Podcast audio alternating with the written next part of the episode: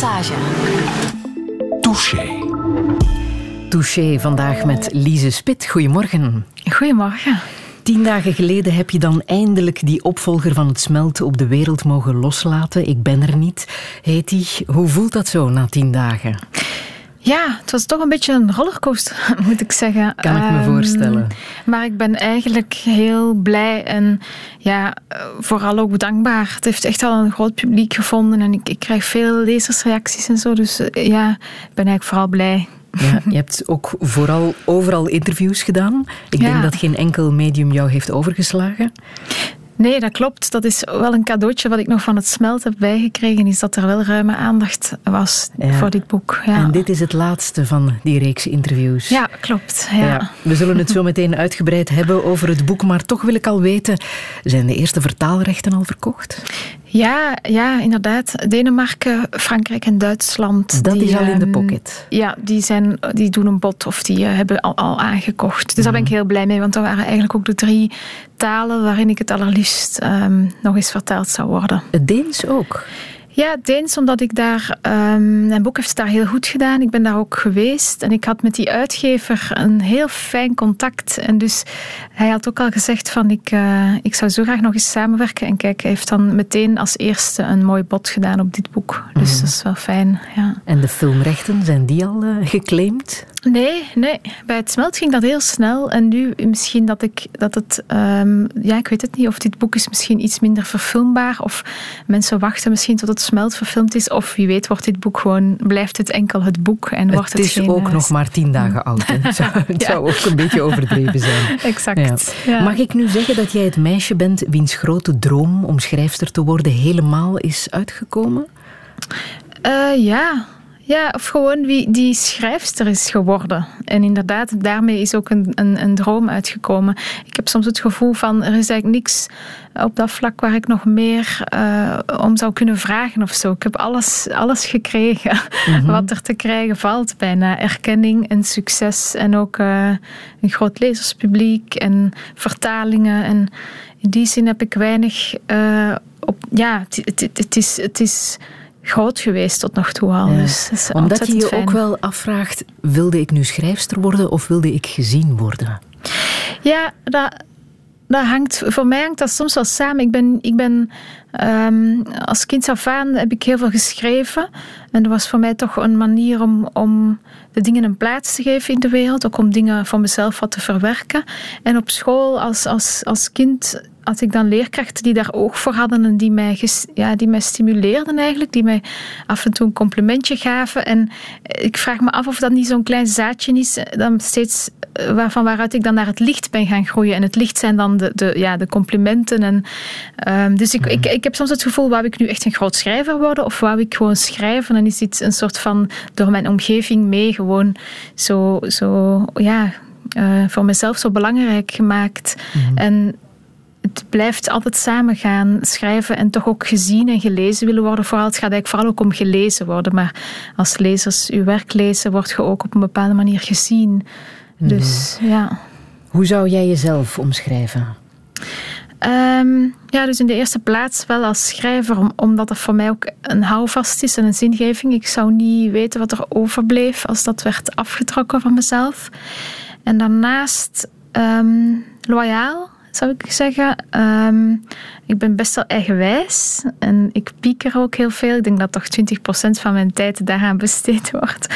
Ehm, nonchalant op sommige vlakken, roekeloos, maar dan op andere vlakken juist heel perfectionistisch. Eh, Ja. En eh, wat je ook over jezelf zegt, ik ben geen intellectueel. Nee. Waarom zeg je dat? Ja, omdat ik, omdat ik dat niet vind. Ik ben misschien wel... Ik heb wel dingen geleerd uit het leven en daar wijsheid van gekregen, maar ik vind mezelf geen intellectueel, omdat ik...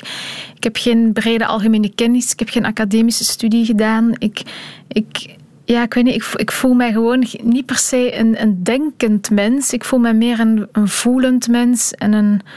En eh, ik sta heel erg in relatie tot anderen, maar niet per se in relatie tot heel veel kennis of zo. En- Of vind je dat een gemis? Ja, een gemis. Ik, ik, ik voel daar wel wat schroom bij. Ik zeg, zelden, uh, ik zeg zelden toe als ik gevraagd word voor programma's om te praten over iets dat buiten mijn eigen kennisveld ligt of zo. Bijvoorbeeld de slimste mensen zou ik nooit uh, aan meedoen. Of zelfs in een, in een praatprogramma over Brussel of zo heb ik soms al het gevoel van ik kan hier enkel met mezelf komen. Ik heb geen studie of geen wetenschappelijke achtergrond of zo. Dus um, ja, ik weet het niet. Vind ik dat, ja, soms zou ik willen dat, dat ik iets meer wist. Gewoon omdat ik dan iets zekerder in mijn schoenen kon staan. En me niet zo snel zou laten intimideren door mensen die dat wel hebben. Maar anderzijds um, is dat ook wel iets waar ik, wat ik probeer um, te doen in het leven. Is niet te hard treuren om wat ik niet kan. En dan maar te proberen doen wat ik wel kan. Dus ik ga niet proberen de boeken te willen schrijven die ik nooit ga kunnen schrijven. Ik ga gewoon de dingen proberen goed doen die ik, die ik kan. En dat, mhm. dat, is ook al een hele uitdaging. Maar het is toch een soort verslaving. Hè? Een dag niet geschreven is bij jou een dag niet geleefd. Hè? Ja, klopt. Ja, het is vooral een. een um, er is dan de constante vraag van doe ik wel genoeg? Is, ben ik wel. Um, ja, ik kan moeilijk uitleggen dat ik kan ook op een dag wel best hard bezig zijn met mijn werk, maar als er niks van gelukt is, heb ik toch een heel onaf gevoel aan het einde van de dag. Dus zelfs als ik aan het schrijven ben, moet het ook nog lukken. Mm Voor ik het gevoel heb, nu, nu heb ik deze dag verdiend of zo. En het, het, als ik een paar dagen niet bezig ben, voor mij is deze periode bijvoorbeeld van praten over mijn werk, hoort er ook een beetje bij. Want het mhm. helpt ook om dat werk uh, in de wereld te brengen en aan mensen te, te, allee, een beetje uit te leggen en zo. Maar er komt toch altijd een moment waarop ik denk, oké, nu moet ik terug gaan schrijven en terug iets echt uh, doen waarmee, wat mij de reden geeft om, om om hier aanwezig te zijn of zo. Ja. Lise Spit, welkom in Touché. Dank je. Radio 1. 1. Friedel Lassage. Touché.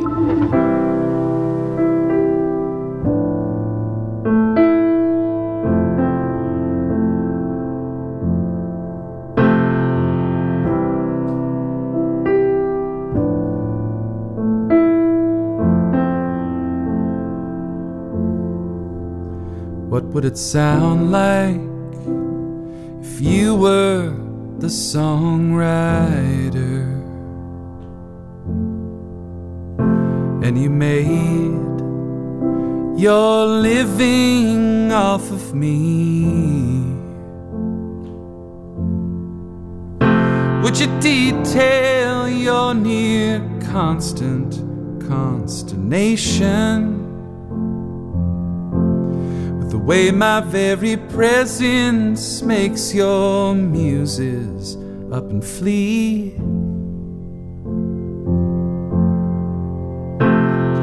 Goodbye, little songbird, I can leave.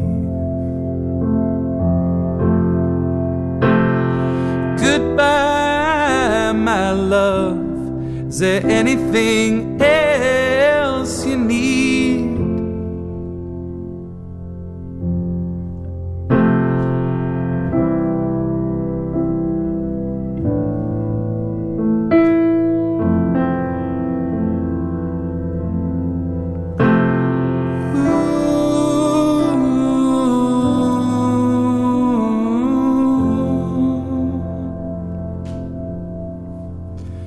Would it sound like if you were the songwriter? And you did. Your living around me? You undress me repeatedly in public show how very noble and naked you can be.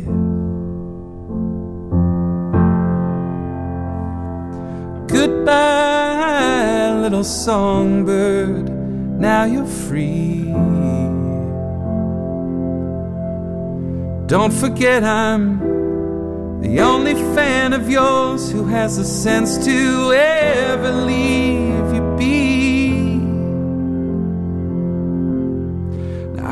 could you do this to me?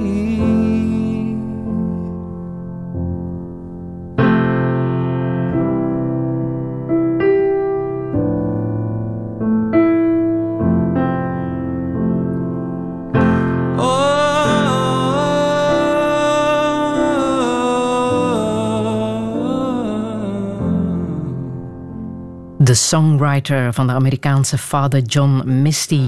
Touché. Touché. En ik praat hier verder met uh, Lise Spit. Jij had geen plannen om naar Engeland te reizen de volgende 24 uur, vermoed ik? nee, klopt. We houden jou ook even in de studio. We hoorden zo net de songwriter van Father John Misty, ook wel bekend onder het eh, pseudoniem Jay Tillman. Waarom wou je dit nummer laten horen? Ja, ik heb een, een uh, stukje uit dit nummer als motto voor uh, Ik ben er niet, voor de roman gebruikt. Mm -hmm. um, en het raakt Het is een nummer dat hij geschreven heeft aan zijn vrouw. Hij is singer-songwriter en schrijft ook heel vaak over, over zijn eigen uh, leven, maar ook over zijn vrouw dus. En uh, hij beeldt zich eigenlijk in van stel dat jij nu degene zou zijn die de, die de liedjes zou schrijven. Um, wat zou je gebruiken? Zou ik dan een soort van uw materiaal worden? En stelt zich zelfs concrete vraag van zou je mij herhaaldelijk in het publiek uitkleden om te tonen hoe naakt jij kan zijn?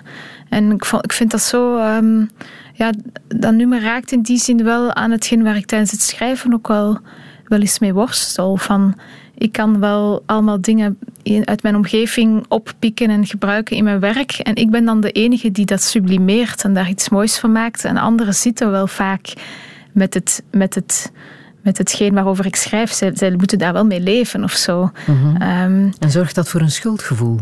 Ja, zeker. Ik, denk, ik, heb, ik heb bij dit boek ook dat schuldgevoel letterlijk in het boek verwerkt, omdat ik mijn personage um, zelf schrijfster heb gemaakt van, van columns. Zij krijgt een aanbieding om, om gewoon over haar persoonlijke leven korte stukjes te schrijven. En zij grijpt dat aan om om uh, voor zichzelf ja, uh, een paar dingen te kunnen plaatsen en, en, en, en bepaalde, bepaalde dingen die moeilijk zijn in haar leven te sublimeren. En ik dacht, ja, zo schrijf ik voor mezelf. Dat is de enige mogelijkheid om dit boek te schrijven, is als ik dat schuldgevoel in dat boek verwerk. Dus het gaat er ook heel erg om, in ik ben er niet van wat kun je, wat, wat kan, wat kun je gebruiken en wat niet. Mm -hmm. uh, ja. ja. Het gaat over Simon en Leo, een jong koppel. Uh, blijkt dat uh, Simon aan psychische problemen lijdt. En je omschrijft heel erg goed hoe Leo daarmee omgaat. Wanneer wist jij voor jezelf dat dit het thema zou worden van je tweede boek? Um, ik denk toen het, toen het thema zich voordeed in mijn eigen leven. En ik dacht, oké, ik, ga hier, um, ik ga hier doorheen en ik ga het tegelijkertijd ook gebruiken, zodat ik later de kans heb om er iets mee te gaan doen en het, en het toch nog bruikbaar te maken of zo. En tegelijkertijd, terwijl ik dan in, ik denk dat dat toch al ja, acht jaar geleden is of zo, dat ik die beslissing heb gemaakt. En in die jaren is er ook zoveel materiaal bijgekomen en heb ik ook research kunnen doen en zo. En is dat thema heel erg uitgebreid. Maar het, het vindt toch echt een soort van kern um, in mijn eigen leven. En dan daarna wordt het een, een thema of zo Mhm. voor, voor, voor een boek. Ja. En hoe goed ken je dat thema dan uit je eigen leven? Ja, ik, ik um, het is altijd, vind ik altijd heel moeilijk om, om, om te praten over in hoeverre mijn werk zich verbindt tot mijn persoonlijke leven. Omdat ik soms ook heel graag die twee dingen gescheiden hou. Omdat ik ook echt romans schrijf. En zeker geen autobiografische boeken. Maar uh, ik heb zelf een relatie gehad met iemand die manisch depressief was. Dus ik, ik heb jarenlang als dichtstbijzijnde persoon hierover kunnen, kunnen ja, dingen kunnen noteren. En ik heb dat heel erg kunnen... Uh, leren kennen op een manier um, dat ik ja, gewoon van binnen en van buiten. En ik heb, ik heb een ouder gehad die, die leed aan manische depressie. Dus ik heb die ziekte op zoveel manieren, maar nooit zelf beleefd, maar wel altijd als de persoon die, die kon observeren. En ook als de persoon die meeleed in zekere zin, maar gewoon niet als, als patiënt, maar als naaste van. Um, dus ja, ik had. Ik had op een bepaalde manier het gevoel van hier kan ik echt iets over schrijven met heel mm. veel zekerheid. Want dit, allee, ik hoefde bij het schrijven van dit boek op geen moment te twijfelen van is dit, is dit eigenlijk mijn verhaal? Omdat het, omdat het mijn verhaal was ook. Hè. Ik, ik, ken, ik ken het heel goed, dus ik heb daar nooit over moeten twijfelen of het wel klopt wat ik opschrijf. Mm-hmm. In uh, de spreekkamer van de arts in het boek hangt ergens bipolaire mensen hebben de neiging zwart-wit te leven. Het is aan ons om niet zwart-wit naar hen te kijken.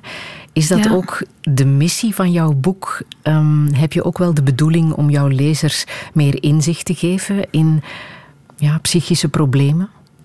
Ja, zeker. Dat, dat, dat, is mooi dat je dat eruit haalt, omdat het boek van mij echt dat is. Een, een, een, los van een liefdesverklaring, van, maar ook echt het, het idee van ik wil, ik wil hier een heel genuanceerd beeld van tonen. En um, ik ben toen ik, toen ik aan dit boek schreef, um, twee jaar lang ook gaan praten met een, um, een dokter die in La Borde in Frankrijk in de psychiatrische instelling werkt en die eigenlijk samenleeft daar met patiënten. Dat is zijn thuis gewoon, hij woont daar dan ook. Mhm. En hij komt af en toe naar België om, om hier patiënten en zo te zien. En ik heb heel veel met hem ook daarover gepraat van hoe ga ik dit boek schrijven, zodat het... Um, ja, zodat het echt eerlijk is, zodat het niet zwart-wit wordt. En mhm. het lastige is wel is dat dit boek plaatsvindt in een bepaalde tijdspanne, want om dit boek te schrijven heb ik ook echt op een bepaald moment moeten afbakenen van hoe lang gaan wij met deze twee mensen samen zijn. Ik heb ervoor gekozen om het boek te doen afspelen in één jaar. Dus eigenlijk het jaar rondom de hele, het begin van, van, die, van die stoornis en, en, hoe, en hoe dat dan in de eerste keer tot uiting komt en, en de eerste bezoeken aan, aan een dokter inderdaad. En natuurlijk, op dat moment is er, heb je zelf nog niet de neiging om, om, om, het, allez, om, om, het, om het genuanceerd te bekijken. Dat is op die moment voor mijn beide personages ook heel, heel, heel wat of zo. Dus ik, ik, ik, het, het, is, het is een uitdaging geweest om het niet stigmatiserend op te schrijven ook. Omdat mhm. het voor het boek op dat moment wel heel erg die twee personages overvalt. En ze er dus wel een soort van ja, soms wel juist zwart-wit gedachten over hebben. Maar het boek dient wel echt als een gekleurde een gekleurde blik erop. Ja. En die tijdslijn wil misschien ook wel duidelijk maken dat zoiets jaren kan duren hè, voor je echt inzicht krijgt in uh, psychologische problemen. Dat je met zekerheid weet, er is echt wel iets aan de hand. Ja, dat is, dat is vaak ja, dat is inderdaad vaak een, een proces van, van heel lang. Ook gewoon mhm. alleen al maar als je behandeld wordt, um, kan het heel lang duren voor je de medicatie vindt die, die echt het juiste in, in jezelf naar boven brengt, om het zo maar te zeggen. Want de medicatie voor psychische stoornissen gaat altijd bepaalde accenten leggen. En om, om de juiste um, behandeling te vinden, duurt soms heel lang. Ik heb wel in het boek gedacht van ik ga in een manische depressie heb je altijd hoogtes en laagtes. En ik, ik heb gedacht van, ik ga de lezer meenemen van een hoogte naar een laagte naar een hoogte. En dan hebben we eigenlijk een soort van het begin van het herhalende patroon gehad dat eeuwig mhm. terugkerend is. En zo hoefde ik eigenlijk ook niet een, een, boek te schrijven dat zich afspeelt over tien of twintig jaar, uh, om daar echt inzicht in te geven. Ik denk dat ik met die korte tijdspannen van een jaar echt al inzicht heb gegeven in die beweging, in die op en neergaande beweging van het gemoed. En hoe groot is het gevaar dat je als partner aan psychische problemen uh, begint te lijden? Goh, ja. Want het zit heel dicht op het vel, hè? Ja, het is, het is, het is inderdaad, het is, het is lastig om niet mee te lijden met iemand die, die mhm. zelf aan iets lijdt. En dat geldt natuurlijk voor alle ziektes. Hè. Iemand die de naaste moet zijn van iemand die bijvoorbeeld een kankerdiagnose krijgt, die moet zichzelf ook heel erg Um, die moet eventjes de, de persoon zijn die, die, die de sterke is. Mhm. Ik denk dat je in een bepaalde periode, als iemand anders er slechter aan toe is als jij, jij, jij degene moet zijn die, er, die, die, die, die, die het weet en die, en die er is en die iets steviger staat. En maar dat, is, natuurlijk niet altijd zo. Nee, dat is niet altijd zo. Maar ik heb, ook wel, ik heb me daar ook wel in verbaasd hoe, ge, hoe, hoe, hoe lang je toch kunt. Um, vanuit het idee van ik zorg voor de ander, hoe lang je toch zelf kunt blijven rechtstaan ook. En hoe, en hoe lang je jezelf daarin kunt wegcijferen. Daar gaat het boek natuurlijk ook deels over. Hè, dat het, dat het de, de, de, de, ziekte aan de ene kant, maar ook vooral hoe, hoe gaat het dan voor naasten en hoe gaan zij er dan mee om? En ik, ik heb toch ook een beetje proberen tonen wat, wat er dan de veranderende dynamiek is tussen twee mensen. En mhm. ja.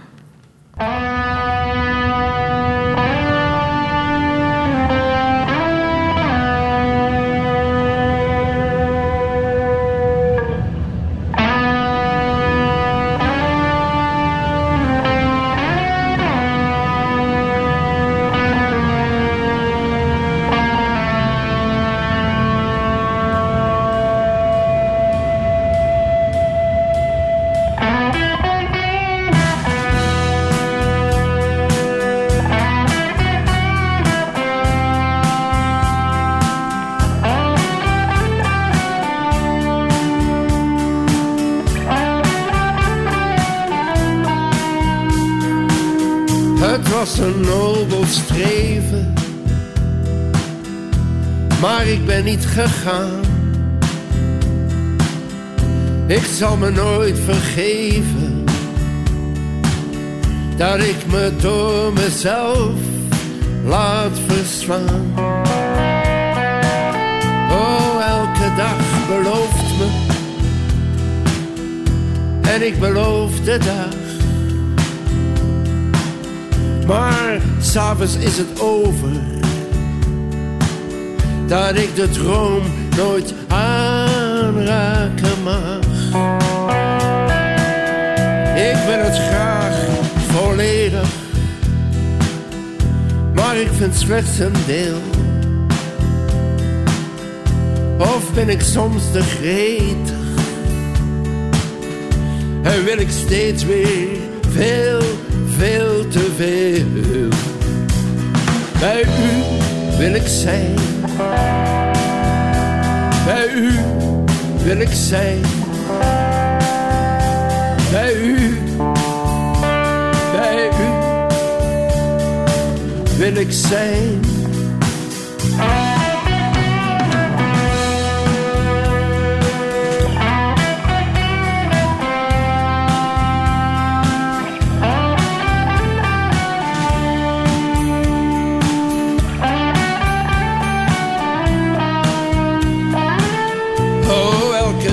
Belooft me. En ik beloof de dag. Maar s'avonds is het over. Dat ik de droom nooit aanraken mag. Het mag nog zo lang duren. En mens verandert niet. Hij maakt zijn eigen afdruk zingt eeuwig zijn verkreukelde lied. Bij u wil ik zijn. Bij u wil ik zijn. Bij u wil ik zijn. Raymond van het Groene Woud en bij u wil ik zijn. Machu Picchu heet dit nummer eigenlijk. Lise Spit, welke herinnering heb jij aan dit nummer? Het is eigenlijk een herinnering aan, aan mijn ouderlijke huis. En um, de muziek stond er altijd wel, altijd heel veel muziek. Mijn ouders hadden altijd de radio aanstaan, maar als die dan s'avonds uitging, werd er ook vaak kleinkunst gespeeld. En dus dat is iets wat ik zelf altijd in ere ben blijven houden, is om kleinkunst te luisteren. Mm -hmm. uh, Bram van Meulen, Stef Postremo van het Schonewoud, daar gaat geen week voorbij of ik speel wel eens uh, hun muziek. En ja...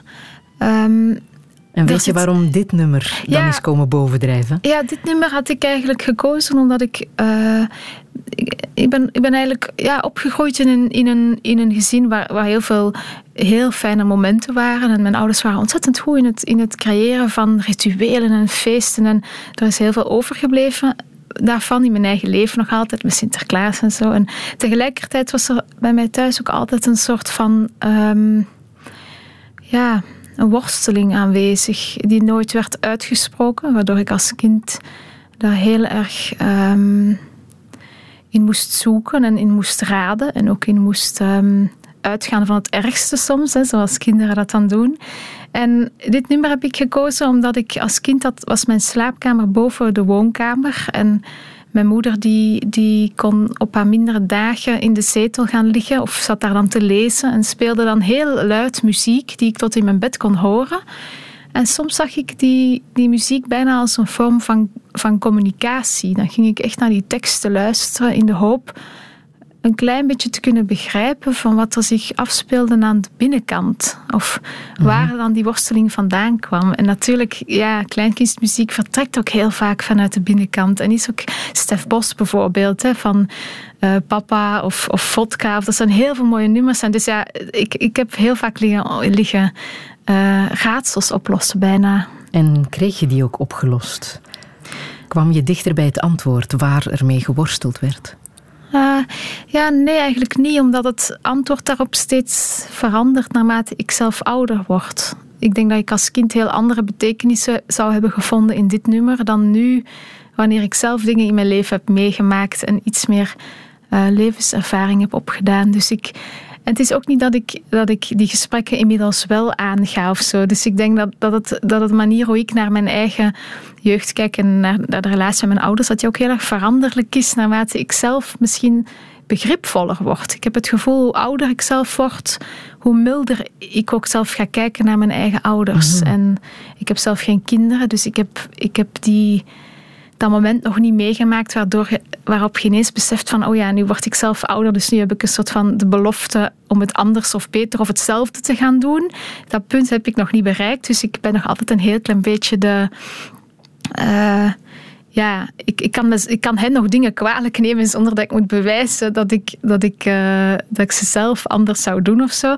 En dus, maar er is wel, ja, naarmate het ouder worden, toch iets veranderd of zo. Gewoon in het, je begrijpt dat je ouders ook mensen zijn. Dat is het misschien. Gewoon die mensen zijn die, die, die ook een leven hebben waarin niet alles loopt zoals ze het willen en sommige dingen wel lopen zoals ze het willen. En ik denk dat dat, dat ja, sowieso een soort van mild, mildheid en, en mhm. liefde brengt of zo. Ja. Heb je ooit geprobeerd om dat gesprek aan te gaan? Om de vragen te stellen waarmee je als kind zat?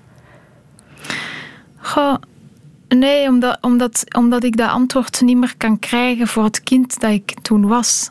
Ik denk dat die antwoorden er hadden moeten zijn als, als kind, omdat je dan bepaalde reflexen ontwikkelt ook, die nu welk antwoord er ook komt dan, eigenlijk niet meer per se op te lossen zijn. Mm Dat is bijvoorbeeld het... het, het uh, ik had eigenlijk als kind een soort van overtuiging, en dat is nu natuurlijk heel persoonlijk, maar um, ik, ik had eigenlijk altijd het gevoel, mijn ouders, die, die ja, omdat die worsteling soms ook zo duidelijk was, dat ik dacht van die, ze, zouden misschien wel eens het leven durven verlaten, om het zo maar te zeggen. En ik wist ook van dat gaan ze niet doen, want ik ben hier als kind.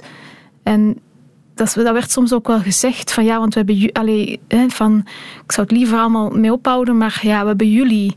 En dan heb je als kind wel het gevoel van ja, maar wat als ik op een dag niet meer volsta of zo, wat, wat, wat, ja, wat gebeurt er dan? Dus er lag een soort van heel grote druk op. En ik denk dat, je dat, dat ik dat, ook al zou ik nu antwoorden krijgen of geruststelling, geldt die ook niet of zo. Dat zou dan toch een soort van opgaan in een, dat zou in een ander bakje terechtkomen, niet in het bakje van vroeger. Um, en tegelijkertijd denk ik wel dat er, uh, ja, dat er toch ook een ander gesprek mogelijk is, waardoor ik op een andere manier kan kijken naar, naar, naar dingen van vroeger, bijvoorbeeld. Ja.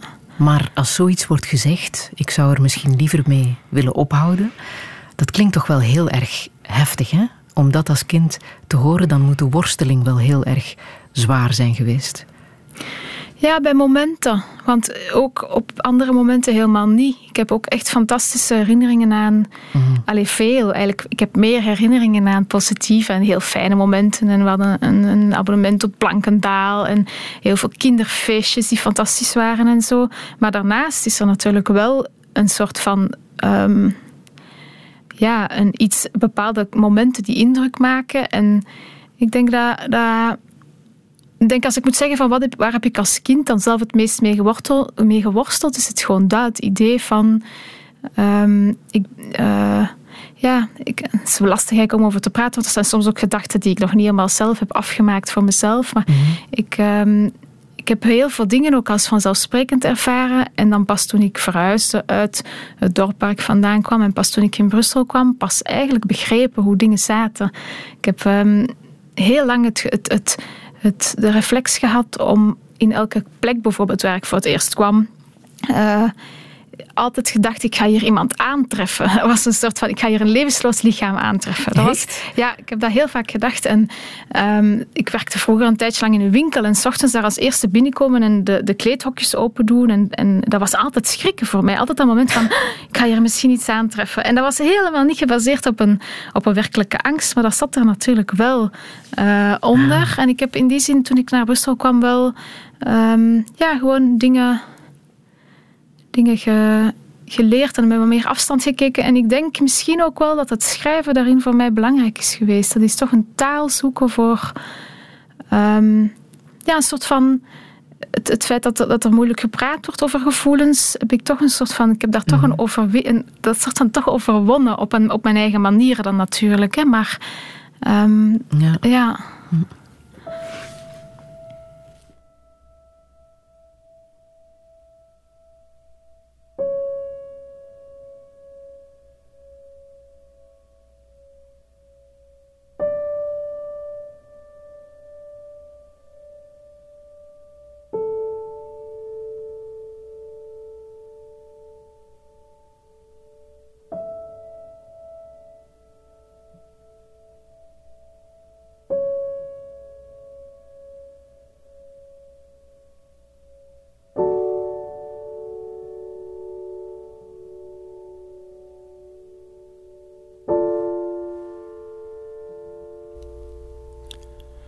It must be nice to disappear, to have a vanishing act, to always be looking forward and never looking back. How nice it is to disappear float into a mist. With a young lady on your arm, looking for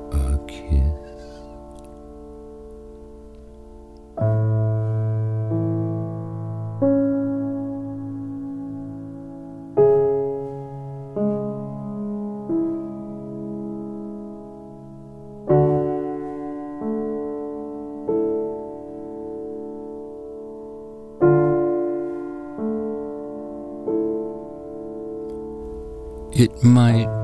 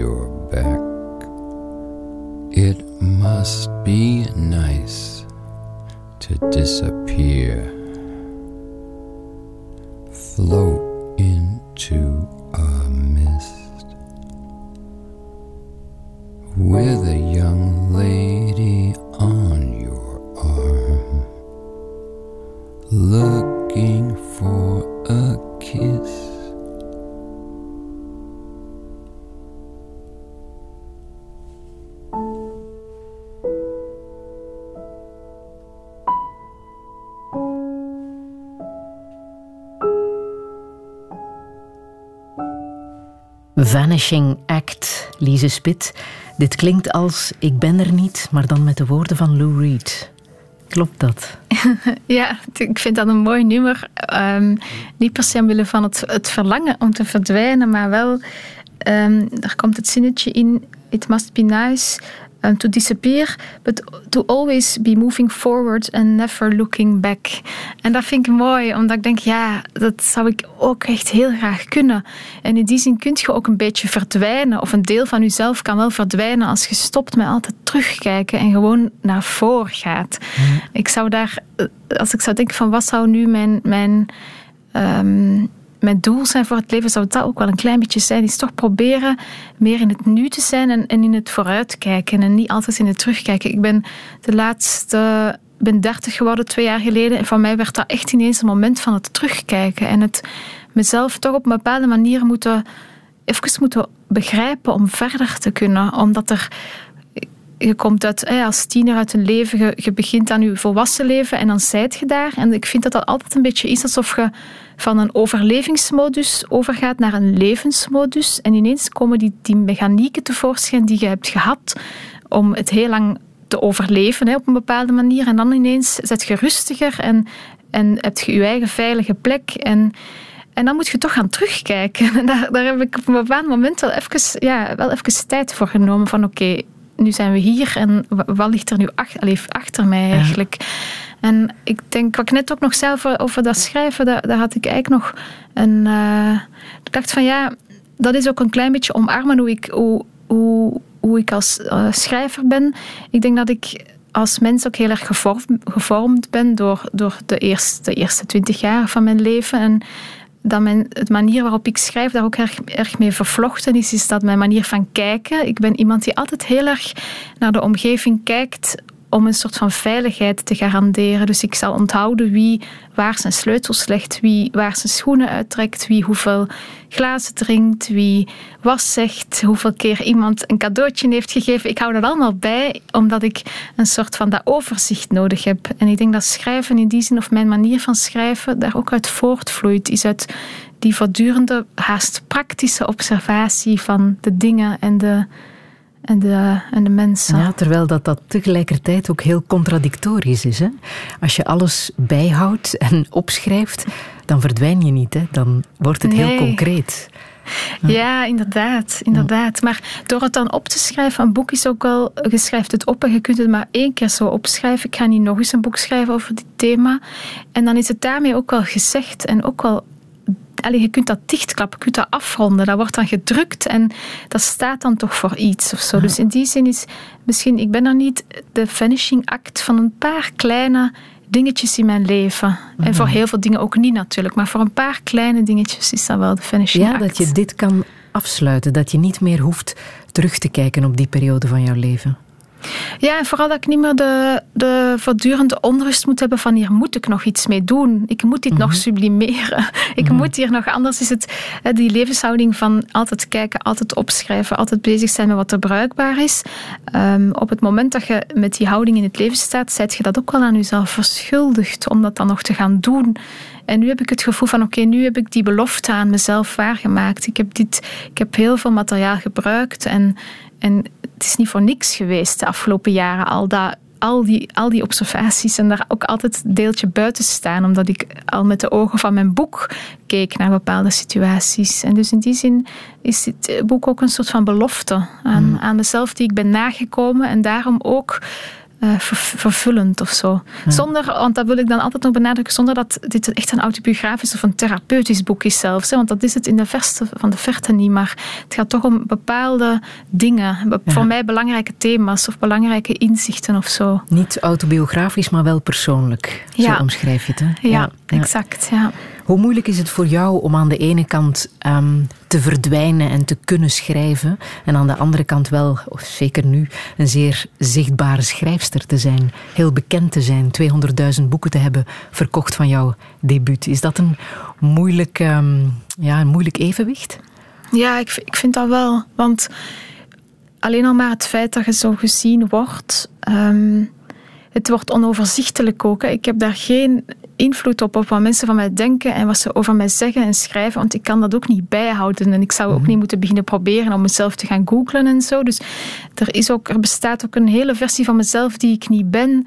En um, dat is lastig, maar ik denk wat ik eigenlijk van in het begin, vanaf dat het smelt, um, ineens zo, zoveel volk begon te bereiken, heb ik ook wel gezegd van ik ga heel erg mijn leven koesteren en ook beschermen daarvoor. Dus ik heb uh, heel veel goede vrienden. Ik heb nog een heel duidelijk beeld van wie ik ben als mens. Mhm. En ik geef ook niet zomaar alles weg aan de literatuur. Dus ik heb ook een basis buiten dat schrijven waar ik op kan terugvallen. Ik ben niet enkel dat beeld in de media. Want het is wel lastig. Ik, ik ben Oprecht heb ik getwijfeld bij dit boek, maar dan komen er acht kranten die allemaal over die twijfel willen komen praten. Maar als je dan acht keer moet vertellen hoe hard je twijfelt, ja, dat wordt gewoon potsierlijk. Maar toch is het hoe het werkt, want die willen allemaal datzelfde verhaal. En je mhm. moet er dan vanuit gaan van, ja, ik ben de enige die dat acht keer heeft gezegd. Er is niemand die dat acht keer gaat lezen. Maar je moet s'avonds wel naar bed gaan en jezelf niet beu zijn. En dat is best soms lastig, omdat Um, ja, in die zin ga ik blij zijn ook als, als het weer wat rustiger wordt en ik niet voortdurend moet bezig zijn met het beeld dat anderen van mij krijgen, maar ik gewoon kan zorgen dat ik met mezelf uh, op één lijn lig of zo. Ja.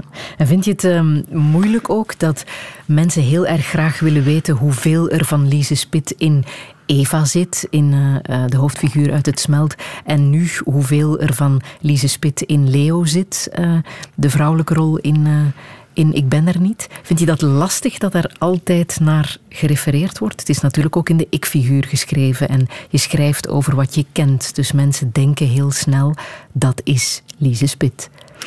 Ja, ik, ik, neem, ik neem lezers en journalisten dat ook niet kwalijk, want het is ook een spel dat ik natuurlijk speel, dat ik elementen gebruik die naar mezelf te herleiden zijn of zo. Zoals in dit boek is het een personage dat werkt in een zwangerschapswinkel en ik heb daar ook gewerkt.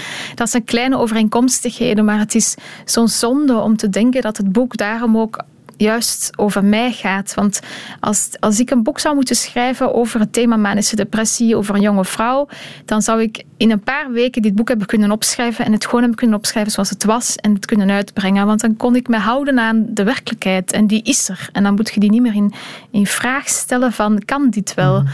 Terwijl dit boek is echt een, een roman. En ik heb er zo lang over gedaan ook om, dit, om hier een roman van te maken. Om iets dat de, dat de werkelijkheid eigenlijk, uh, om er iets van te maken dat de werkelijkheid overstijgt. Maar ook omdat ik niet van het principe ben dat je als schrijver de wereld om je heen zomaar mocht gebruiken. Dat je een soort van almachtige heerser zij die iedereen mag inzetten, die alles zomaar kan gebruiken. dat, zo zit ik niet in elkaar. Dus ik doe heel veel moeite ook om om mild, om mild te zijn eigenlijk ten opzichte van de mensen over die, die, die ik gebruik als, als, als inspiratie. Hè? Want mhm. ik ga nooit één op één een persoon in mijn boek gebruiken. Dus er kruipt heel veel werk in om, om dat zo te verzinnen en ook om dan in mijn eigen verzinsels te geloven. Want je moet hè, wel elke keer doorheen je verzonnen universum wandelen en soms kost mij dat wel moeite. En daarom schrijf ik um, in mijn eigen werk ook altijd dingen waar ik niet over moet twijfelen. Bijvoorbeeld juist hè, het feit dat ik in die zwangerschapswinkel heb gewerkt en dan een zwangerschapswinkel opvoer in mijn boek, dat is één locatie waar ik, die in werkelijkheid bestaat. Ik moet, ik moet niet elke keer nadenken, hoe is dat ook alweer? Ik kan gewoon, die deur staat daar, die kleren zien er zo uit, ik ken al die merken. Ik zou bijvoorbeeld niet, in het boek komt dan het merk Fragile voor en Queen Mum. En zo'n merken zou ik zelfs niet durven verzinnen, maar die bestaan. Ik heb ze gewoon genomen, ik moet daar niet meer over nadenken. Mm. Dus in die zin is mijn universum altijd een, een, een, echt een collage van, van af en toe dingen die ik mezelf permitteer om gewoon te gebruiken. En daarnaast ontzettend veel werk om, om ook de fictie daaraan toe te voegen. Mm-hmm. Ben je gevoelig voor kritiek? Oh, dat is een goede vraag. Zeker deze week. ik heb op dat vlak een, stevige week achter de rug, omdat er ook heel veel negatieve uh, berichten over mijn boek zijn verschenen. En ik ben daar gevoelig aan, maar ik, ik heb. Ik, vooral omdat ik er iets mee doe. Ik ben niet overtuigd van mijn gelijk of zo. Dus als ik een kritiek krijg, dan ga ik die heel erg um, internaliseren en daar ook echt mee aan de slag gaan. Als ze op iets slaat, natuurlijk. Hè. Kritiek mhm. die de beste kritiek is de kritiek die iets in vraag stelt waar je er zelf ook al over twijfelt. En dan mhm. kun je daarmee aan de slag gaan. Kritiek die echt... Uh, kritiek die geschreven is vanuit een dédain van een ander, ja, daar doe ik niks mee. Want ik vind, je moet wel op hetzelfde niveau komen staan voor ik iets, voor ik mij door u wil laten uh, beïnvloeden of zo. Dus in die zin, ja, ik ben daar wel gevoelig voor.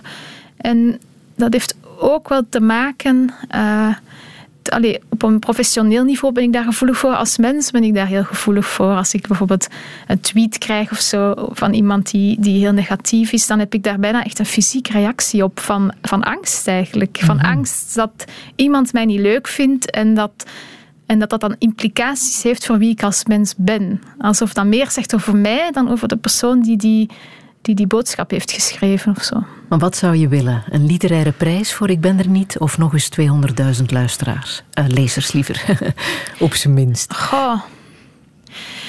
Ik denk, kijk, het, het grootste cadeau is toch de lezers, want dat is wat iedereen wilt. En bij het smelt heb ik het geluk gehad dat hij en de lezers kreeg en die literaire uh, onderscheiding door uh, een paar prijzen en nominaties. En dat is natuurlijk wat er bij dit boek in vraag wordt gesteld door sommige literaire kritieken, is van is het wel literatuur, ook omdat het juist zo'n groot publiek bereikt. En dus ja, als dat dan de vraag is van kan, ja, dan denk ik, geef mij dan toch maar de lezers die met een, die met een, een, een totale gulzigheid aan dat boek beginnen en daar zin in hebben ook. Dat is toch het schoonste wat je kunt krijgen, daarvoor, volgens mij. Daarvoor doe je het toch, hè? Ja, ja. can't any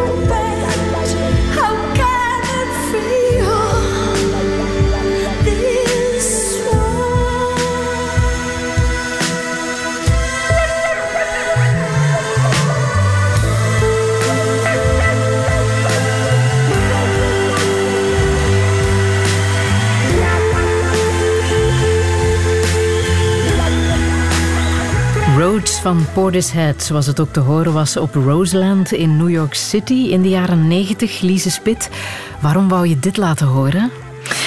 Ja, ik, ik ga eigenlijk zelden naar, naar festivals en concerten, maar als ik moet zeggen wat is het beste concert dat ik ooit gezien heb, dan zou ik zeggen um, Portishead. En dat was voor mij op Lowlands heb ik die gezien. En dat is muziek die, die uh, ja, zij is ook sowieso een fantastische muzikante, maar die muziek gaat ook echt door je lichaam heen, door die zware bassen die, die ze gebruiken. Dus uh, je kunt dat dan voelen, echt, tot in je buik. En dat is bijna een, ja, dat is echt een fysieke ervaring gewoon. Dus dat is me altijd bijgebleven, dat moment dat ik daar stond op Lowland. Als ik jou vraag wat het mooiste kunstwerk is dat je ooit hebt gezien, dan noem jij een tv-serie. Six Feet Under van Ellen Ball. Dat is voor jou echt een kunstwerk? Ja, ja, ik vind het raar dat, dat dat televisie of ja, series geen kunst zou kunnen zijn. En voor mij is dat een van de mooiste dingen die er ooit gemaakt zijn. En zeg je dat nu omdat jij scenario schrijven hebt gestudeerd aan het Rits? Um, ja, waarschijnlijk heeft dat er iets mee te maken. Maar ook omdat het voor mij echt een, een, een van de eerste dat, het heeft er ook mee te maken van wanneer kijkt of ziet je iets in je leven. Hè. Daarvan is een ervaring altijd afhankelijk. Je kunt iets wat je later leest of kijkt ook helemaal niet meer zo diep voelen. Maar ik vond bij um, Six Feet Under van uh, Alan Ball, dat is een soort van ja, een serie die bestaat uit heel veel seizoenen en je wordt echt deel van een familie. Het gaat over een familie begrafenisondernemers. De vader van, van die familie sterft al in de eerste aflevering en nadien moet, de hele, moet het hele gezin die, die begrafenisonderneming blijven uh, trekken en, en, en doen werken. En dat is zo ontzettend goed geschreven op het men, gewoon menselijk is. Dat is echt een een heel menselijk uh, iets. Die personages zijn van vlees en bloed. Die hebben normale dialogen. En ik, ik heb me tijdlang daar echt thuis gevoeld bij dat gezin. En toen dat die, toen dat, dat afliep, die serie is echt gewoon afgemaakt op een bepaald moment. En dan moest, je die moest ik die personages loslaten. En dat was echt, ik ben daar een week lang voor in rouw geweest. Gewoon van, oh nee. Ja, en, en mocht ik dat nu zien, voor mij was dat ook een van de eerste series die ik gezien heb in mijn leven. Ik, ik had, ja... Uh, ik was denk ik 18 toen ik dat zag.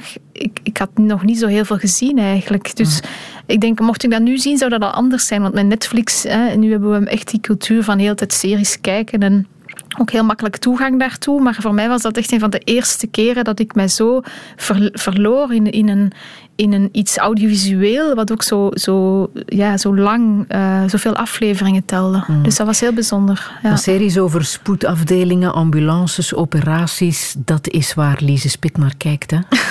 wat zegt dat over jou?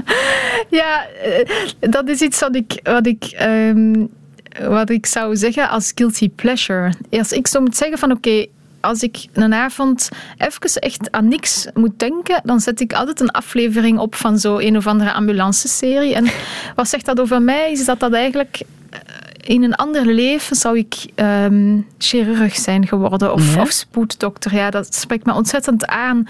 Bovenop het feit dat je mensen kunt helpen, echt op, het, op een moment dat ze u nodig hebben. In de zin van ja, iemand verkeert in een noodtoestand en, en jij zijt daar. En dat lijkt mij, dat lijkt mij echt. Um, bijzonder. En, mhm. en het is ook spannend natuurlijk. Ook al heb ik met spoeddokters gesproken die, die tegen mij zeiden, ja, het grote deel van de tijd heb je mensen die te veel drinken en, die, en wiens maag moet leegpompen en zo. Maar ik, ik heb toch zo'n beeld van, ja, dat, dat, dat is volgens mij heel avontuurlijk. En ik wou dat als kind ook heel graag doen, maar ja, het is anders uitgedraaid voor mij. Mm -hmm. Lise Spit, ik heb nog muziek uit Inside Out. Dat is die Pixar-film van vijf jaar geleden. Prachtige film trouwens. Het heeft jou geraakt, duidelijk. Ja, ik heb die al drie keer gezien en een paar weken geleden opnieuw. En ik zou bijna zeggen, iedereen met kinderen zou hier naar moeten kijken. Het is echt, dat brengt een gesprek op gang sowieso. Over kan je zeggen waarom? Ja? Het gaat over een meisje dat verhuist en, en dus heimwee krijgt naar haar oude huis. En wij zitten eigenlijk met de film in haar hoofd, bij alle gevoelens. Het is echt heel plastisch gemaakt bijna, in de zin van je ziet echt de troost, de, de angst, de, de blijheid en, en, de, ja, en, en achter een soort van machine staan en haar besturen. En dus je krijgt echt een heel vereenvoudigde, maar een mooie inkijk in hoe gevoelens in elkaar zitten. Mhm. En ook gewoon, ja, natuurlijk een mooie morele les of zo op het einde, maar het idee van je hebt een herinnering en hoe wordt die aangemaakt en hoe wordt die gevormd, hebben ze echt visueel gemaakt. En, en ja, dat is mooi. Ja, en ook vertaald in eh, deze prachtige muziek. Hè.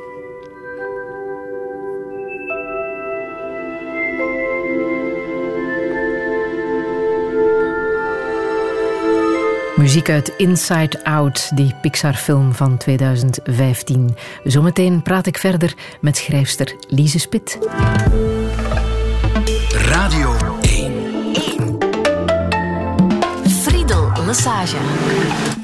Touché. De laatste touché van het jaar met auteur Lise Spit. Vijf jaar geleden charmeerde ze 200.000 lezers met haar debuut Het Smelt. Tien dagen geleden liet ze eindelijk haar tweede boek op de wereld los. Ik ben er niet, met als missie meer inzicht krijgen in psychisch welzijn. Want Lise weet waarover ze praat. In haar omgeving zag ze meerdere mensen lijden aan mentale problemen. En net dat bezorgt haar nu ook een schuldgevoel. Kan je je inspiratie halen bij mensen van wie je houdt? En hoe moet het verder met haar nieuwe thuishaven Brussel, haar nieuwe vriend en haar nog jonge schrijversleven? Dit is Touché met Lise Spits. Een goede middag. Bruxelles, ma belle, je te rejoins bientôt, aussitôt que Paris me trahit, et je sens que son amour est gris, et puis elle me soupçonne d'être avec toi le soir. Je reconnais, c'est vrai, tous les soirs dans ma tête, c'est la fête des anciens combattants d'une guerre qui est toujours à faire. Bruxelles, attends-moi, j'arrive. Bientôt je prends la dérive. Michel, te rappelles-tu de la détresse de la kermesse de la gare de midi? Te rappelles-tu de ta Sophie qui ne t'avait même pas reconnu Les néons, les léons, les noms du Dieu Sublime décadence, la danse des penses Ministère de la bière, artère vers l'enfer Place de Brouquer Bruxelles, attends-moi, j'arrive. Bientôt je prends la dérive. Cruel duel, celui qui oppose Paris névrose et Bruxelles abruti qui se dit que bientôt ce sera fini. L'ennui de l'ennui. Tu vas me revoir, mademoiselle Bruxelles, mais je ne serai plus tel que tu m'as connu. Je serai abattu, courbattu, combattu, mais je serai venu. Bruxelles, attends-moi, j'arrive. Bientôt je prends la dérive. Paris, je te laisse mon lit. Na 22 maart, de aanslagen in Brussel, groeide dit nummer uit als een hymne voor onze stad en uh, bood ook steun aan de slachtoffers van toen, Dick Annegarn en Brussel. Maar ik laat het ook horen voor jou, Lise Spit. Het is jouw stad geworden, hè? Ja, ja. Nu ondertussen 15 jaar woon je hier in Brussel. Hoe groot was de stap voor jou om van Viersel, van dat kleine dorpje, naar de grootstad te komen? Ja, eigenlijk best, best groot. Ik weet ook niet meer zo goed hoe ik daarin ben geslaagd om dat te doen. Zoals, want ik kende ook niet zo heel veel, uh, heel veel mensen hier. Ik ben samen met een vriendin van, met wie ik in het dorp uh, woonde naar hier gekomen. En die eerste twee jaar hebben we ook samen één kamer gedeeld. Dus dat was echt met een gordijntje tussen onze bedden in. En dat heeft mij wel geholpen, denk ik. Zo de overstap van het kleine naar het grote. Um, ja, en ik ben nooit meer weggegaan, dus dat zegt ook wel iets. Ja. Uh, ook al zou ik nu niet zeggen, is Brussel mijn thuis?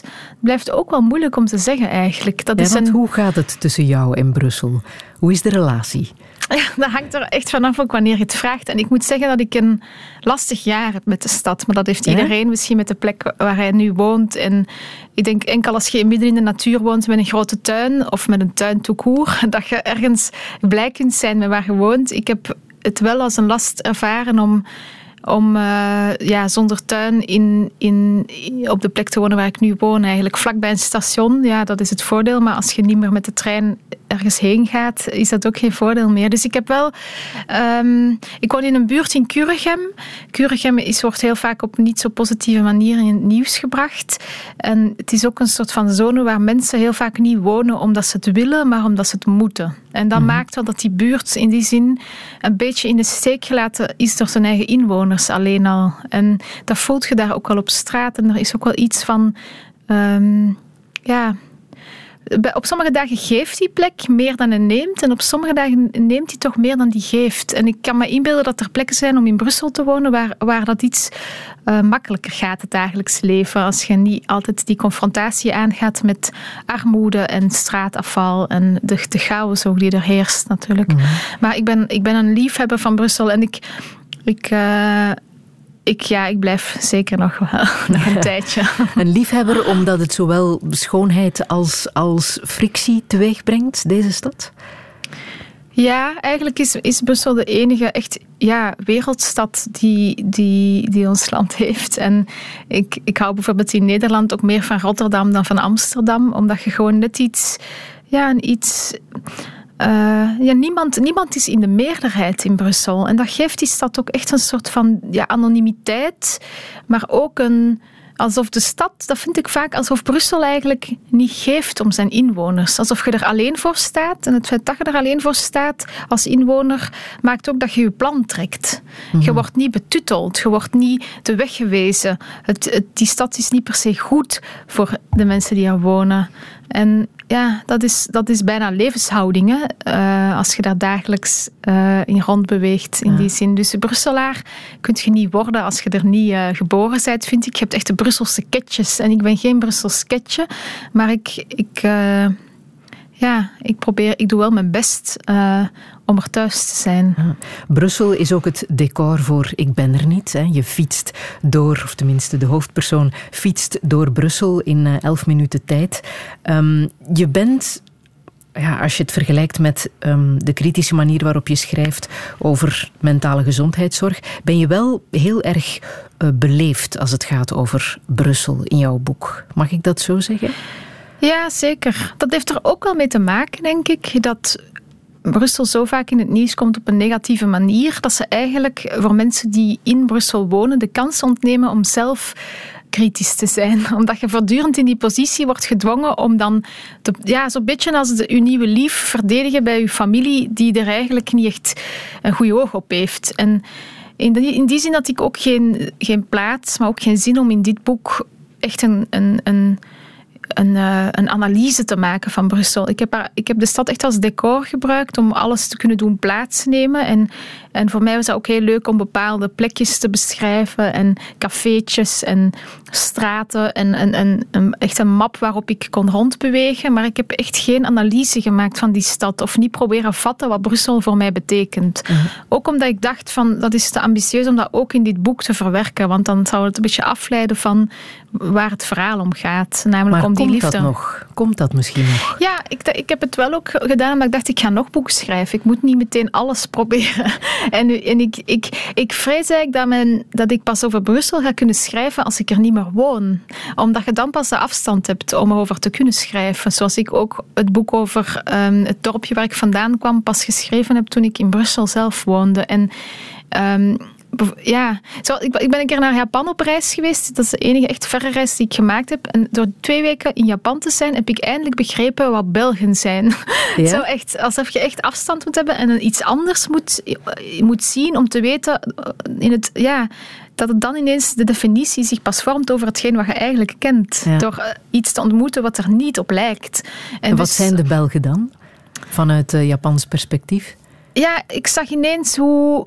Um, individueel we waren. En ook, ik dacht altijd, de Belgen zijn heel beleefd. Hè, want ik, ik kende mij dan vooral ten opzichte van Nederland. Hè, als, als, als, ik kende onze cultuur ten opzichte van Nederland. En ik dacht, ah ja, we zijn altijd heel erg beleefd. En terwijl ik dacht, ah nee, het valt eigenlijk nog heel goed mee. We zijn toch ook echt uh, uh, bezig met onze eigen levens. En terwijl in Japan ja, is er echt die, die, die ehm, hoe moet ik het zeggen, dat, dat gemeenschapsgevoel is ontzettend sterk. En ook heel weinig individuele vrijheid is er daar. Dus op, op vlak van ja, hoe je kunt zijn. Hè. Mensen mogen geen nee zeggen bijvoorbeeld. Als je daar als gast in het land komt en ze weten de weg niet, je vraagt de weg, dan gaan ze niet durven zeggen dat ze de weg niet weten. Ze gaan u fout, een foute weg opsturen, gewoon omdat ze niet durven teleurstellen. Dus in die zin... Ehm, ja, schrok ik daarvan. Dat ik dacht, ah ja, dus wij Belgen durven dat wel. Wij zouden wel gewoon zeggen, sorry, maar ik kan u niet helpen. en dat vond ik, maar, ik kan bijna niet goed uitleggen in één antwoord. Het zit hem echt in de honderd kleine, honderdduizend kleine dingetjes. Mhm. Uh, de keuken bijvoorbeeld is zo anders. Het feit dat wij heel veel suiker gebruiken. In, van, van s ochtends tot s avonds hebben we heel veel zoete dingen en zo. Dat, dat vind je daar ook um, niet zo makkelijk. Dus ja, was, was echt een... Uh, een eye-opener voor Ja. mij. Hm. Ehm, je bent misschien wel al een beetje Brusselaar geworden door het feit dat je geen rijbewijs hebt en heel veel met de fiets doet. Ja. Heel veel mensen beginnen dat te doen in Brussel. Dat is denk ik wel de grootste wijziging geweest in het voorbije coronajaar. Is dat iets wat positief ehm, eh, is voor jou? Ja, Meer dat- aandacht voor eh, de fietser in Brussel? Ja, daar ben ik wel echt heel blij om. Eh, ook gewoon omdat het, het, het zorgt ook wel voor. Als fietser zijn toch een klein beetje een alleenstaande. Allee, je, je, je, je bent voortdurend ehm, in de minderheid sowieso. En, en je hebt ook het gevoel dat je. ehm, ja, echt een beetje je plan moet trekken. En nu het feit dat er fietspaden zijn en dat je toch echt voelt dat er een verandering is, dat je gewoon soms voor een stoplicht, stoplicht kunt staan wachten met vier, vijf andere fietsers. dat vind ik echt fantastisch. Gewoon dat je dan zo een beetje zoals je in Amsterdam ook kunt hebben. Hè. Ja. Ehm, echt fiets, fietsfiles heb je daar. Dat je daar niet echt het allemaal door éénzelfde groen licht meer kunt en dan weer moet wachten. Ehm, dus ja, ik ben, ik ben daar heel blij om. Maar er is wel nog veel werk aan de winkel. En ehm, soms vraag ik mij ook wel af van waarom gaat het zo traag? Ik begrijp het wel, hè? iedereen moet er mee eens zijn en je kunt niet zomaar heel snel. Maar voor mij zou het allemaal eh, een stukje sneller mogen. Hmm, Vanaf 1 januari komt er ook wel de zone 30 in alle straten in Brussel. Wat eh, positief is, denk ik, hè, voor, eh, voor de fietsers in, eh, in deze stad. Ja. En volgens mij komt er ook wel een wedstrijdje Donsaarstraat voorzieningslaan in 11 minuten. Naar aanleiding van Ik ben er niet. Wat denk je? Ja, dat zou op zich mooi zijn. Is dat gevaarlijk om dat te proberen op 11 minuten of is het echt mogelijk? Het is echt mogelijk, ja. Het is een Hoeveel keer heb je dat getest? Ehm, ik heb het niet voor het boek echt uitgetest. Ik heb ehm, die, die weg gewoon zelf al 250 keer gefietst of zo. Dus ik weet heel goed wat, wat de, snelste en de traagste tijdstippen zijn of de, de, eh, tijdspannen zijn. Maar Ja. het, is, het is zeker mogelijk hoor, in 11 minuten. Iets wat ook zichtbaar is natuurlijk in een grootstad, meer zichtbaar dan elders, is de kloof tussen rijk en arm. Iets wat jou ook eh, bezighoudt, hè? Ja, ja. Ja, het is, het is, het is echt iets waar ik... ehm, soms vind ik het jammer dat ik niet dat als vakgebied heb, zodat ik mij daar een soort van heel gefundeerd en wetenschappelijk onderbouwd zorgen over kan maken. Maar het is gewoon niet te ontkennen dat er iets aan de hand is. En het feit dat er... ehm, er, komt heel veel in, ja, er komt heel veel aan bod. hè. Het feit dat er heel veel mensen zijn die ontzettend veel geld verdienen, maar eigenlijk het gaat om op welke manier verdient je iets. We kennen het werkwoord verdienen als iets dat je krijgt. hè. Gewoon, je, krijgt het geld, de waarde.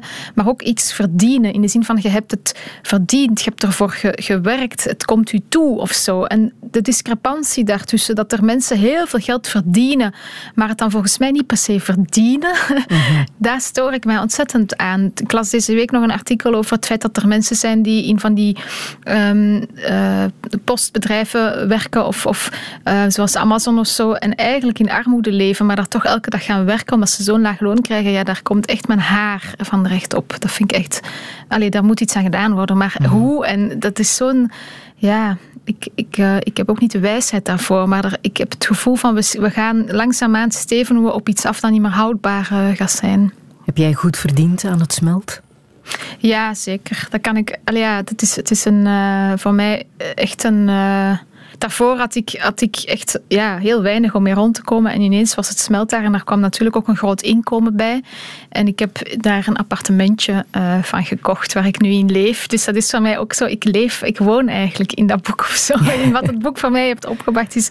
En, en ja, mensen hebben misschien ook grote ideeën daarbij. En nu moet ik ook wel weer. Ik moet ook werken nog hoor, om, mij, om te kunnen rondkomen nu. Je kan nog ik- niet rentenieren tot Nee, eh, nee, nee, je nee, laatste nee. dagen. Nee, nee, nee, maar je hebt het wel verdiend. Hè? Je hebt het verdiend. Ja, dat is dus de vraag. Dat is inderdaad een hele goede vraag. Nee, dat vind ik dus ook niet. Dat je, dat, dat is ook buitenproportioneel bijna. Dat ik denk, oké, je kunt één boek schrijven, maar Maar de verdien ik dan... lezers, ja. die lezers heb je toch verdiend?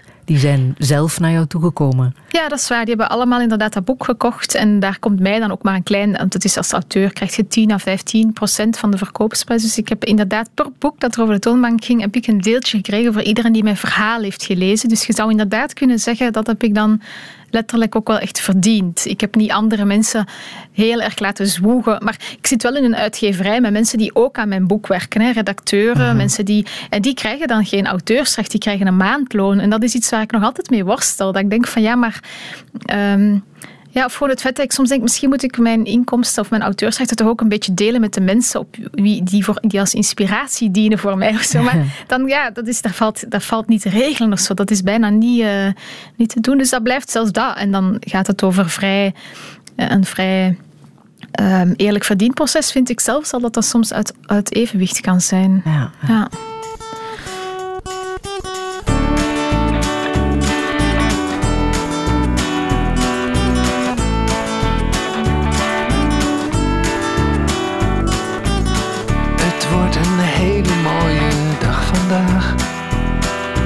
Stoelen gaan naar buiten en er hangen nieuwe slingers in de heg. Meneer van Ouwenaar zet alle dingen recht. Hij fluit heel vals en zwaait naar de portier. Er is behoorlijk wat bezoek vandaag. Wespen op de appeltaart, de koffie komt voorbij. Ik vind het best, ik zou niet weten wie er jarig is, hoera. Of hoe het nou toch verder moet met mij. En de dag is kort, en de dag is lang. S'avonds zijn er stemmen en een liedje op de gang. En ik doe precies wat de dokter zegt. Goed je groente eten en niet te laat naar bed. Niet met die pen, niet op de grond, niet elke keer, zon, niet op die toon, niet tegen mij.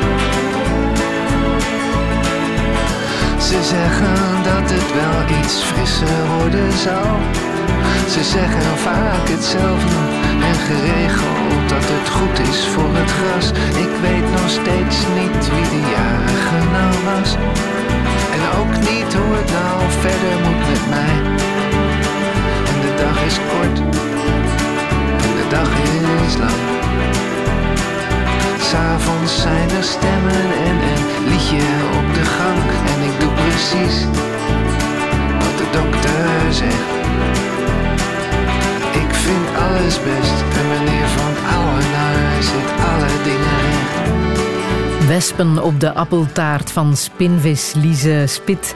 Ehm, welke herinnering heb je aan dit nummer? Waarom wou je dit laten horen? Het is zo in, ehm, eh, in de relatie met mijn partner uh, Rob. Um, is het iets dat we elke ochtend sinds de, sinds de lockdown zingen? Zingen we Het wordt een hele mooie dag vandaag. En dan s'avonds doen we het opnieuw en dan vullen we mooie in met het best passende adjectief. Bijvoorbeeld, het was een hele grijze dag vandaag. En ik, ja, ik denk, um, in die zin is dit nummer de afgelopen maanden heel veel in mijn, heeft het heel veel in mijn hoofd gezeten, want het is ook een beetje een oorworm natuurlijk. Maar um, ja, ik heb het gekozen omwille van dat soort kleine intieme dingetjes die je soms kunt, uh, kunt doen ontstaan. Ja, en wat wordt, het, wat wordt het voor vandaag? Heb je al een uh, adjectief um, om in te vullen? Ja, ik, ik zou denk ik, dat hangt ook nog af van het verder verloop. En, maar ik denk dat ik zou zeggen, het was een hele goede dag vandaag. Ja, toch positief vanavond. Ja. en het is nog maar middag. Ja. ja. Rob, dat is uh, Rob van Essen, hè? Nederlandse auteur, onder andere van De Goede Zoon. Een boek dat jouw leven heeft bepaald. Dat moet je toch eens uitleggen. Ja, ik kreeg de vraag van welk boek heeft je leven bepaald? En ik dacht, ja, ik kan wel boeken geven die ik gelezen heb en die op mij als mens um, iets van toepassing hadden, omdat ik er daarna anders dacht of zo. Maar als ik moet zeggen, welk boek heeft het meest mijn leven bepaald, is het De Goede Zoon, omdat ik dat gelezen heb op het moment dat ik Rob net kende. Hij was een paar weken in Brussel als in de residentie bij Passaporta. Um, en ik heb het boek dan gekocht en, en ik begon het te lezen. En ik zei, laten we aan het einde van de residentie iets gaan eten. En dan vertel ik wat ik van het boek vond. En ik, tijdens het lezen van het boek, ik weet niet, voelde ik al een soort van zielsverwantschap of zo. In de humor die hij gebruikt, in bepaalde beelden. En ja, dat boek was een soort van kennismaking met hem. En ja, we zijn daarna uh, verliefd geworden op elkaar en hebben een relatie, zijn een relatie begonnen uh, die nu al twee jaar duurt. Dus dat boek is toch een soort van, ja, echt een, een punt geweest waarop dingen voor mij veranderden. Als ik het een heel slecht boek had gevonden, met heel slechte humor, dan had ik nooit, was ik nooit voor hem gevallen, denk ik. en was hij een goede zoon? Was, was Rob een goede zoon? Hij zou zelf zeggen van niet... Ik zou zeggen van wel, maar zijn beide ouders uh, leven ook niet meer. Hij is wel de laatste uh, acht jaar, denk ik, toen zijn moeder nog leefde, wekelijks bij haar geweest in het woonzorgcentrum. En ik denk het feit dat hij dat voor haar gedaan heeft al, getuigt al wel van het feit dat je iemand heel graag ziet. En ik, ik ken dus Rob eigenlijk alleen maar sinds... Allez, zijn, zijn moeder was al gestorven toen ik hem leerde kennen, maar aan alles wat ik van hem ken en de manier... Soms eigenlijk aan de manier waarop hij soms mijn hand vasthoudt terwijl we wandelen, weet ik dat hij een goede zoon geweest is. Als hij zo ook de hand van zijn eigen moeder vasthield. En ik weet ook dat hij die zo heeft vastgehouden. Dus soms denk ik, ah ja, ik, ik heb ook, soms, soms zie ik ook de zoon die hij geweest is of zo. En ik denk dat dat een hele goede zoon was. Ja. Ja. Er is een leeftijdsverschil van, en ik ga het nu veel erger maken dan het is, een kwart eeuw. Ja, dan klinkt het erger, maar het is inderdaad 25 jaar. Ja, Je kan niet ontkennen, ontkennen, natuurlijk dat dat impact heeft op uh, hoe je naar je eigen verdere leven kijkt, denk ik. Nee, klopt. En ik keek zelfs toen ik met Rob samen was, een keer een programma met mijn zus dat op televisie was. Ik vertrek en er was een koppel ook met zo'n groot leeftijdsverschil van 20 jaar. En ik, ik zei toen, allee dat kan toch niet? En mijn zus moest heel erg lachen, omdat ze zei, maar je zit toch zelf in zo'n relatie? En dat is inderdaad, aan de buitenkant denk je, maar zo'n verschil, hoe kan dat eigenlijk? Terwijl ik ook heb ontdekt dat mensen geen leeftijd hebben. Mensen hebben een, een kern van binnen die geen leeftijd heeft. En de leeftijd is natuurlijk de, de, de, het uiterlijk en, en de wijsheid en zo die je opdoet ook. Maar diep van binnen is iedereen toch nog altijd zichzelf gewoon. Een soort van iets vloeibaar. En het nadeel is natuurlijk wel dat het lichaam wel veroudert en dat je toch ook bepaalde consequenties hebt van in een relatie te stappen met iemand die zoveel ouder is. En mhm. ehm, toen we elkaar kenden, we, ja, was het een soort van. Ik, ik voelde meteen van ik heb een zielsverwant um, gevonden. Maar toen kwam ook meteen die vraag bij mij van wat, wat dan? Wat nu? Want ja als ik dan die rekensom maak van ik ben 50, dan is hij er 75. Als ik de leeftijd heb die Rob nu heeft op zijn 57ste, is hij al in de 80. Dus dat is soms wel... Ik mag daar eigenlijk niet te veel over nadenken, maar natuurlijk doet je dat wel. Hè. Zeker iemand als ik die heel veel um, controle wilt en heel erg alles probeert te plannen en zo, um, is dat niet, niet, zo, niet zo eenvoudig op lange termijn. Maar tegelijkertijd... Um, heb ik ook gedacht van ja, ik kan die relatie, ik kan, kan beslissen om die relatie, om daar niet voor te gaan. En iemand te zoeken die dan hè, beter bij mij hoort qua leeftijd. Misschien zelfs dan niet zo'n zielsverwant is, maar toch in dat plaatje beter klopt. En, maar wie weet wordt die persoon na tien jaar dan ook ziek of, of, of gaat die relatie uit? En ja, wat heb ik dan, uh, ja, wat, wat, heb ik dan nog op mijn zestigste? Dus ik dacht ook van, ik, ik moet gewoon echt het loslaten om iets te willen plannen en gewoon kijken naar wat maakt mij gelukkig en bij wie ben ik de juiste persoon en de goede persoon ook. En mm ja, dat was bij Rob. Dus, maar het is wel, ja, elke keer als ik nu in de krant berichten lees van artiesten en bekende mensen die overlijden, kijk ik altijd naar die leeftijd en dan reken ik uit, oké, stel dat dit Rob is, hoeveel jaar hebben we dan nog? En ja, dat is, het, is, uh, het is iets, ik ben wel soms nu al bezig met afscheid nemen, omdat dat afscheid zo toch in het verschiet ligt op een bepaald moment. Terwijl mensen die um, samen zijn met iemand van hun eigen leeftijd daar misschien op een bepaalde manier niet over hoeven na te denken. Die mhm. kunnen uitgaan van een ideale situatie waarbij je allebei 80 wordt en dan op hetzelfde moment oud wordt of zo. Mhm. Wordt hij de vader van jouw kinderen? Oh, ik zou dat heel graag willen, ja. Ik, uh, ik, ik heb altijd gedacht, um, dat ik wel kinderen wil.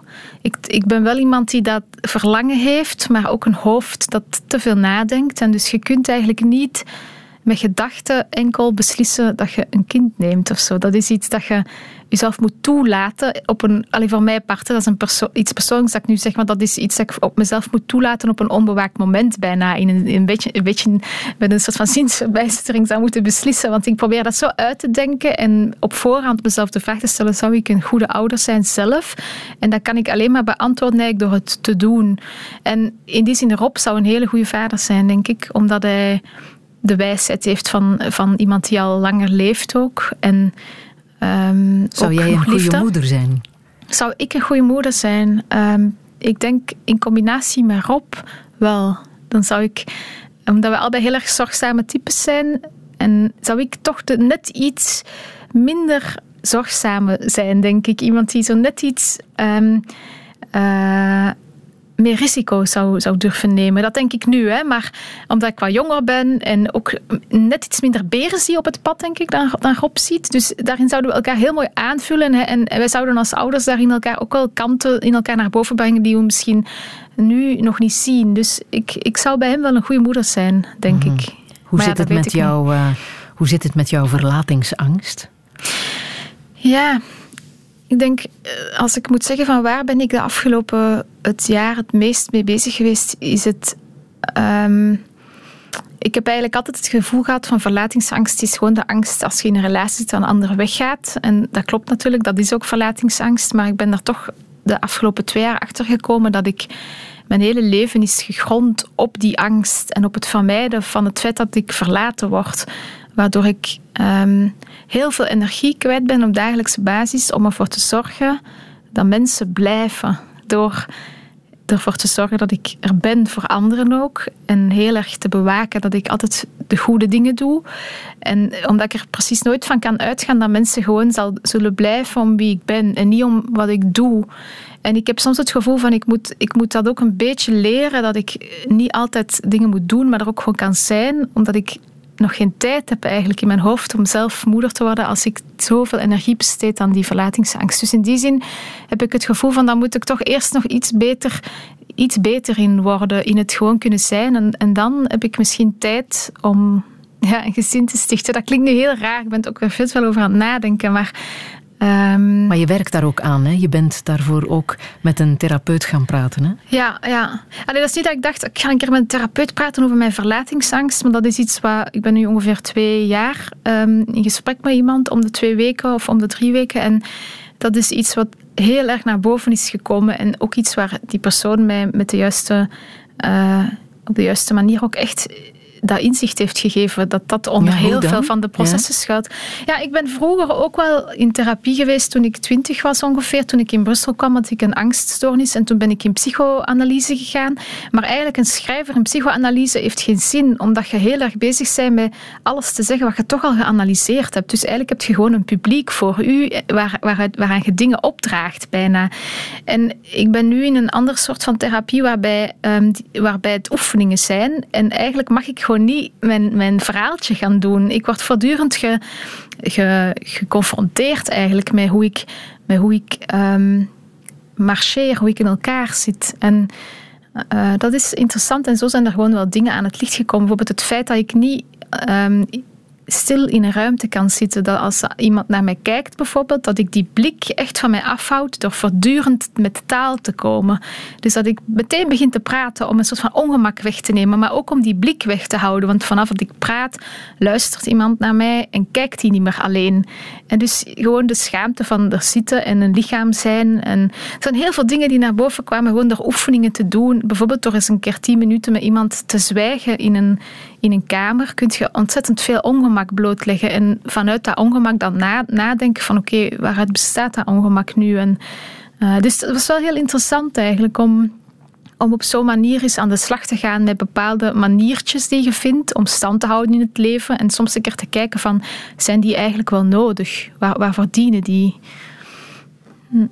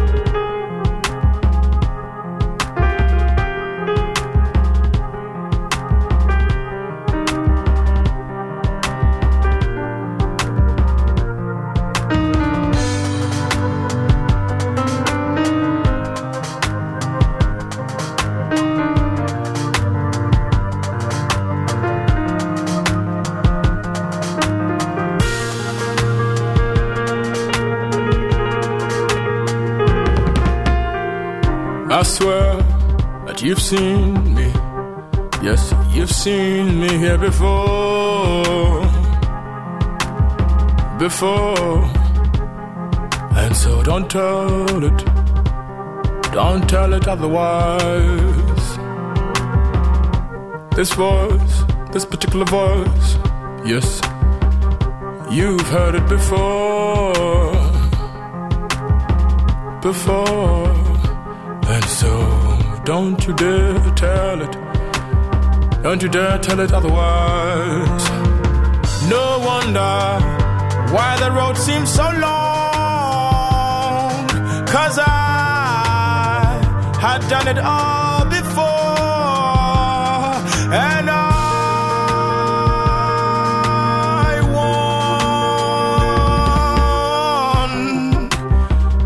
won. You felt this feeling Tell me, don't be ashamed, you felt it before. Before.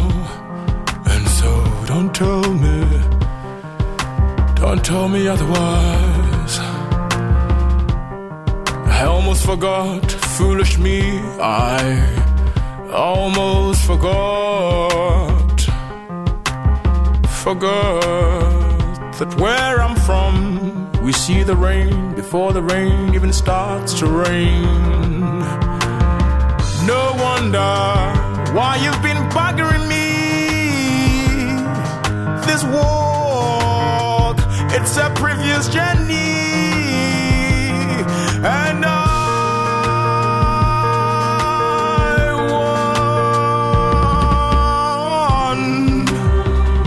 Prachtig nummer is dit. Condolence van Benjamin Clementine, Lise Spit. Waarom wou je dit laten horen? Ja, ik vind het een krachtig lied, bijna een soort van strijdlied. Van we geven onze condolences aan angst, we geven onze condolences aan, aan, aan, aan bangheid. Ik heb dit heel veel geluisterd, ook de afgelopen maanden als ik ging wandelen en zo, deze CD. is het een soort levensmotto geworden ook? Ja, ja, in theorie. Ja? In praktijk denk ik zal het wel moeilijker zijn om zomaar um, mijn, mijn uh, grotjes te geven aan bepaalde dingen. Uh, maar uh, ja. Wat heb jij het meest gemist in jouw leven? Um, het, ik, ik, denk het, het basisvertrouwen in het feit dat dingen goed komen. Het idee van Ehm, dat staat ook zo mooi in het liedje van, Clem, uh, van Benjamin Clementine. We see the rain before it starts to rain. En ik, ja, daar kan ik mij bij aansluiten dat ik toch altijd de beren op het pad zie voor ik het pad kan zien. En mm -hmm. dat is, ik zou zo graag anders uh, zijn daarin. Ik zou graag een, een, een half vol glas hebben in plaats van een half leeg. Maar op een of andere manier ben ik gewoon niet zo. En ik probeer me daar ook wel uh, niet meer te lang tegen te verzetten, maar er gewoon een beetje, ja, het is zoals het is. En ik, um, maar het zou fijn zijn, denk ik ook voor mijn omgeving, mocht ik, mocht ik gewoon af en toe iets meer kunnen rekenen op, op dat het goed, op dat het goed komt. Ja. Zou je ook een positievere relatie met je eigen lichaam willen? Ja, ja, ik, ik, ik, um, ik heb eigenlijk van kinds af aan niet zo heel veel vertrouwen in mijn fysieke kunnen. Uh, en dat heeft er deels wel mee te maken dat ik op dat vlak ook niet echt heel erg gespaard ben gebleven. Ik heb diabetes gekregen toen ik 12 was. En dus voor mij is mijn lichaam daardoor iets wat ik niet helemaal kan vertrouwen. Ik moet daar voortdurend... Um, ik moet zorgen dat mijn lichaam goed werkt. In plaats van dat dat een soort van, zoals het voor sommige mensen wel is, een soort van aanwezigheid is waar je van kunt uitgaan dat dat werkt. Dus het voelt heel vaak alsof ik mijn lichaam ergens mee naartoe neem, in plaats van dat mijn lichaam mij ergens naartoe brengt.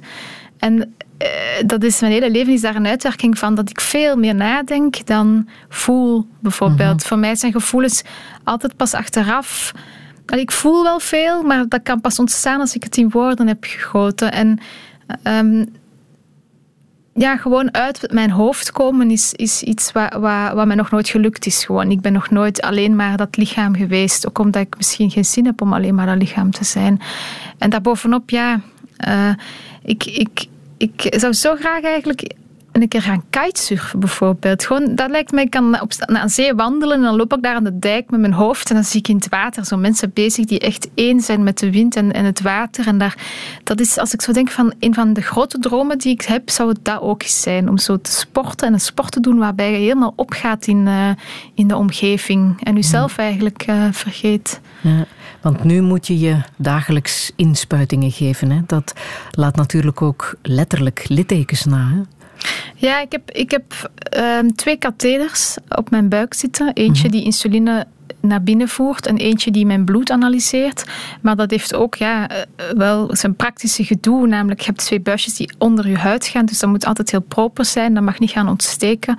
Ik heb, er, is gewoon, er komt op praktisch gedoe heel veel bij kijken. Het feit alleen al dat ik een kastje heb, dat is bijna alsof mensen zouden moeten rondlopen met hun gsm, maar dat, er, dat die met een kabel aan je buik hangt. Dus je, je, je bent nooit los. Ik hang altijd aan dat bakje. Ja. En als ik eventjes douche, dan haal ik dat er natuurlijk af. Maar ja, je, hebt wel, je moet dat ook altijd ergens wegsteken. Soms moeten die batterijen vervangen worden. Dus midden in de nacht gaat dan dat alarmpje af. Om de vijf dagen moet dat buisje insuline vervangen worden. Dus gaat er s'nachts een alarmpje af. Als ik nu hier in een radio-interview zit, dan weet ik van, ah ja, dat alarmpje kan afgaan. Want dat gebeurt onaangekondigd. Dus ik moet op voorhand altijd kijken, zorg ik dat alles goed is, dat er geen alarmpjes afgaan. En ik kan ook een, een, een suikerdiep krijgen, dus een hypo krijgen, dan moet ik eten. Uh, dus het is altijd, ik moet daar altijd mee heel erg van bewust zijn dat als er een, een een vliegtuig neerstort en ik ben aan boord, dan heb ik ook eigenlijk, stel dat iedereen zou overleven, ook minder overlevingskansen, omdat ik niet een paar dagen zonder insuline kan. Mm -hmm. Ik kan niet. Um, toen de lockdown, de eerste lockdown begon, ben ik insuline gaan halen bij de apotheker voor een paar maanden, omdat ik dacht van oké, okay, iedereen hamstert hier wc-papier, maar ik kan niet leven zonder die buisjes. Mm -hmm. Zelfs niet een paar dagen. Hè. Ik word doodziek als ik een paar uur, als ik, ja, ik heb al een keer gehad aan mijn katheder bijvoorbeeld, iemand dat, eraan, dat ik bleef hangen met dat buisje en die katheder schoot uit mijn buik en dan moet ik naar huis om dat te gaan vervangen, want ik kan niet een paar uur zonder. Ja. In hoeverre let jij op je voeding? Ja, ik, doe, ik, ik heb wel nog altijd het idee van ik wil wel leven. Ik ben niet iemand die dan een lepeltje ketchup afweegt en dan gaat uitrekenen hoeveel suiker daarin zit. En het feit dat ik een pompje heb nu, ik heb ook tien jaar lang met inspuitingen gedaan, manueel. Dus dat je elke keer als je um, iets at, echt een spuit moest zetten. En nu heb ik zo voortdurend dat, dat naaldje eigenlijk zitten. Dus ik kan kleine beetjes insuline geven voor kleine hapjes. En dat is van mij, daarom is die insulinepomp heel handig. Want ik, ik kan dus gewoon bijvoorbeeld een Napoleon snoepje eten, om het zo maar te zeggen. En ik weet dat al in mijn hoofd, weet ik al hoeveel suiker dat daarin zit. En dan weet ik hoeveel ik moet inspuiten voor zo'n één snoepje. En dus ik kan dat ook heel snel doen. Um, dus ik, ik leef wel in die zin Ehm, ik heb mijn eetgedrag eigenlijk toen ik ziek werd niet 100% aangepast, maar ik spuit wel heel veel in voor hetgeen wat ik eet. Dus ik eet wel bijvoorbeeld nog taart of, of uh, een keer een croque monsieur of zo, maar um, ja, dan moet ik daarvoor inspuiten. Hè. Dat kan niet zomaar, eh, dat wordt niet zomaar door mijn lichaam verwerkt. Maar bijvoorbeeld een, een, glas cola of zo, dat is echt iets wat ik me enkel permitteer als ik het nodig heb. Ik ga, mhm. Er is een variant van, hè. er is cola light, dus dan drink ik gewoon cola light. Zo, zo, um, zo hardleers ben ik ook niet. Maar ik probeer wel nog een leven te leiden. Ik ben daarin niet echt een, ik doe dat niet als een monnik, om het zo maar te zeggen. Ik, ik zondig wel geregeld. En dat is voor mij ook de enige manier om, om het vol te houden, denk ik. Om het, om het goed te doen.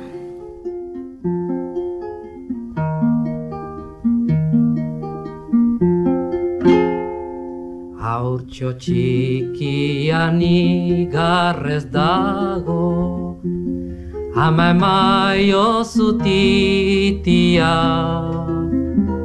Aita gastoa tabernan dago Pikaro jokalaria Lara lara lara lara lara La la la la la la. La la la La la la la la la la la La la la la la la la la. Inoiz aita txotxintxotzen bada Oizenen ezkera ondila Orduan txeni baiek harriko Zapata berri txurila Lara lara lara lara lara Lara lara lara lara lara Lara lara lara lara lara Lara lara lara Joku gaizto txarzikin ziztrina Nundikan augu sortua. Nere maite txokutxun polita Ikde kalperri galdua.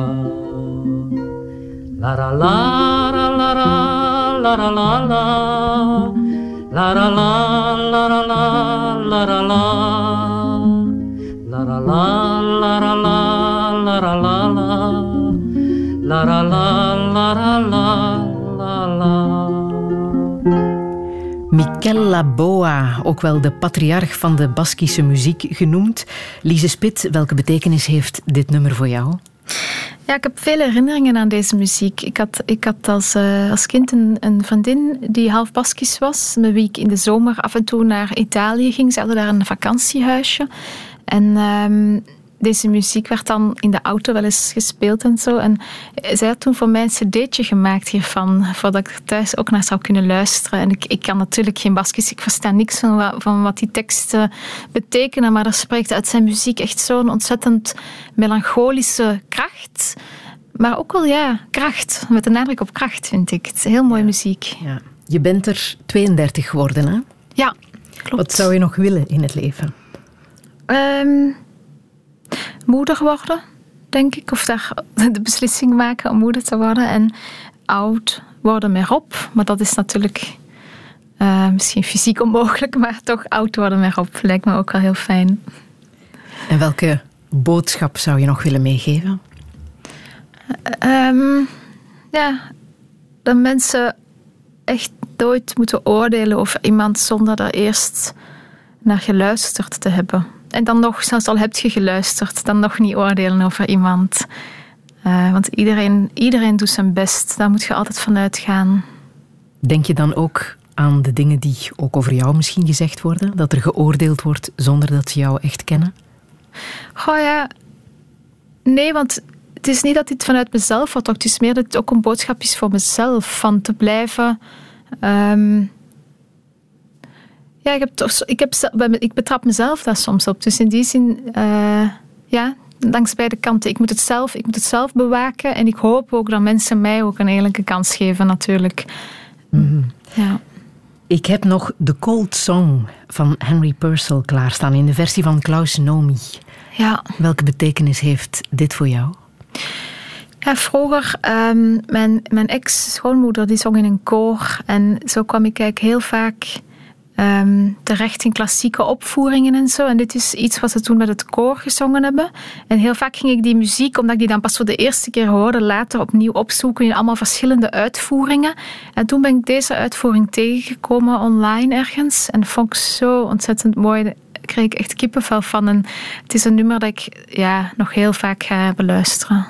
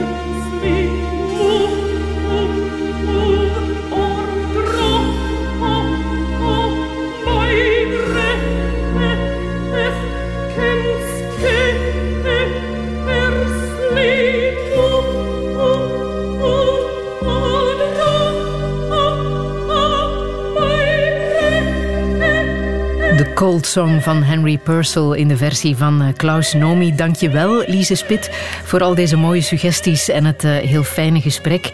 De volgende twee zondagen halen we het beste uit het touchéjaar 2020. En uh, wie nog meer touché wil, kan ons hele archief ook terug herbeluisteren op onze website terug te vinden, radio1.be. De podcast activeren is natuurlijk ook altijd een goed idee.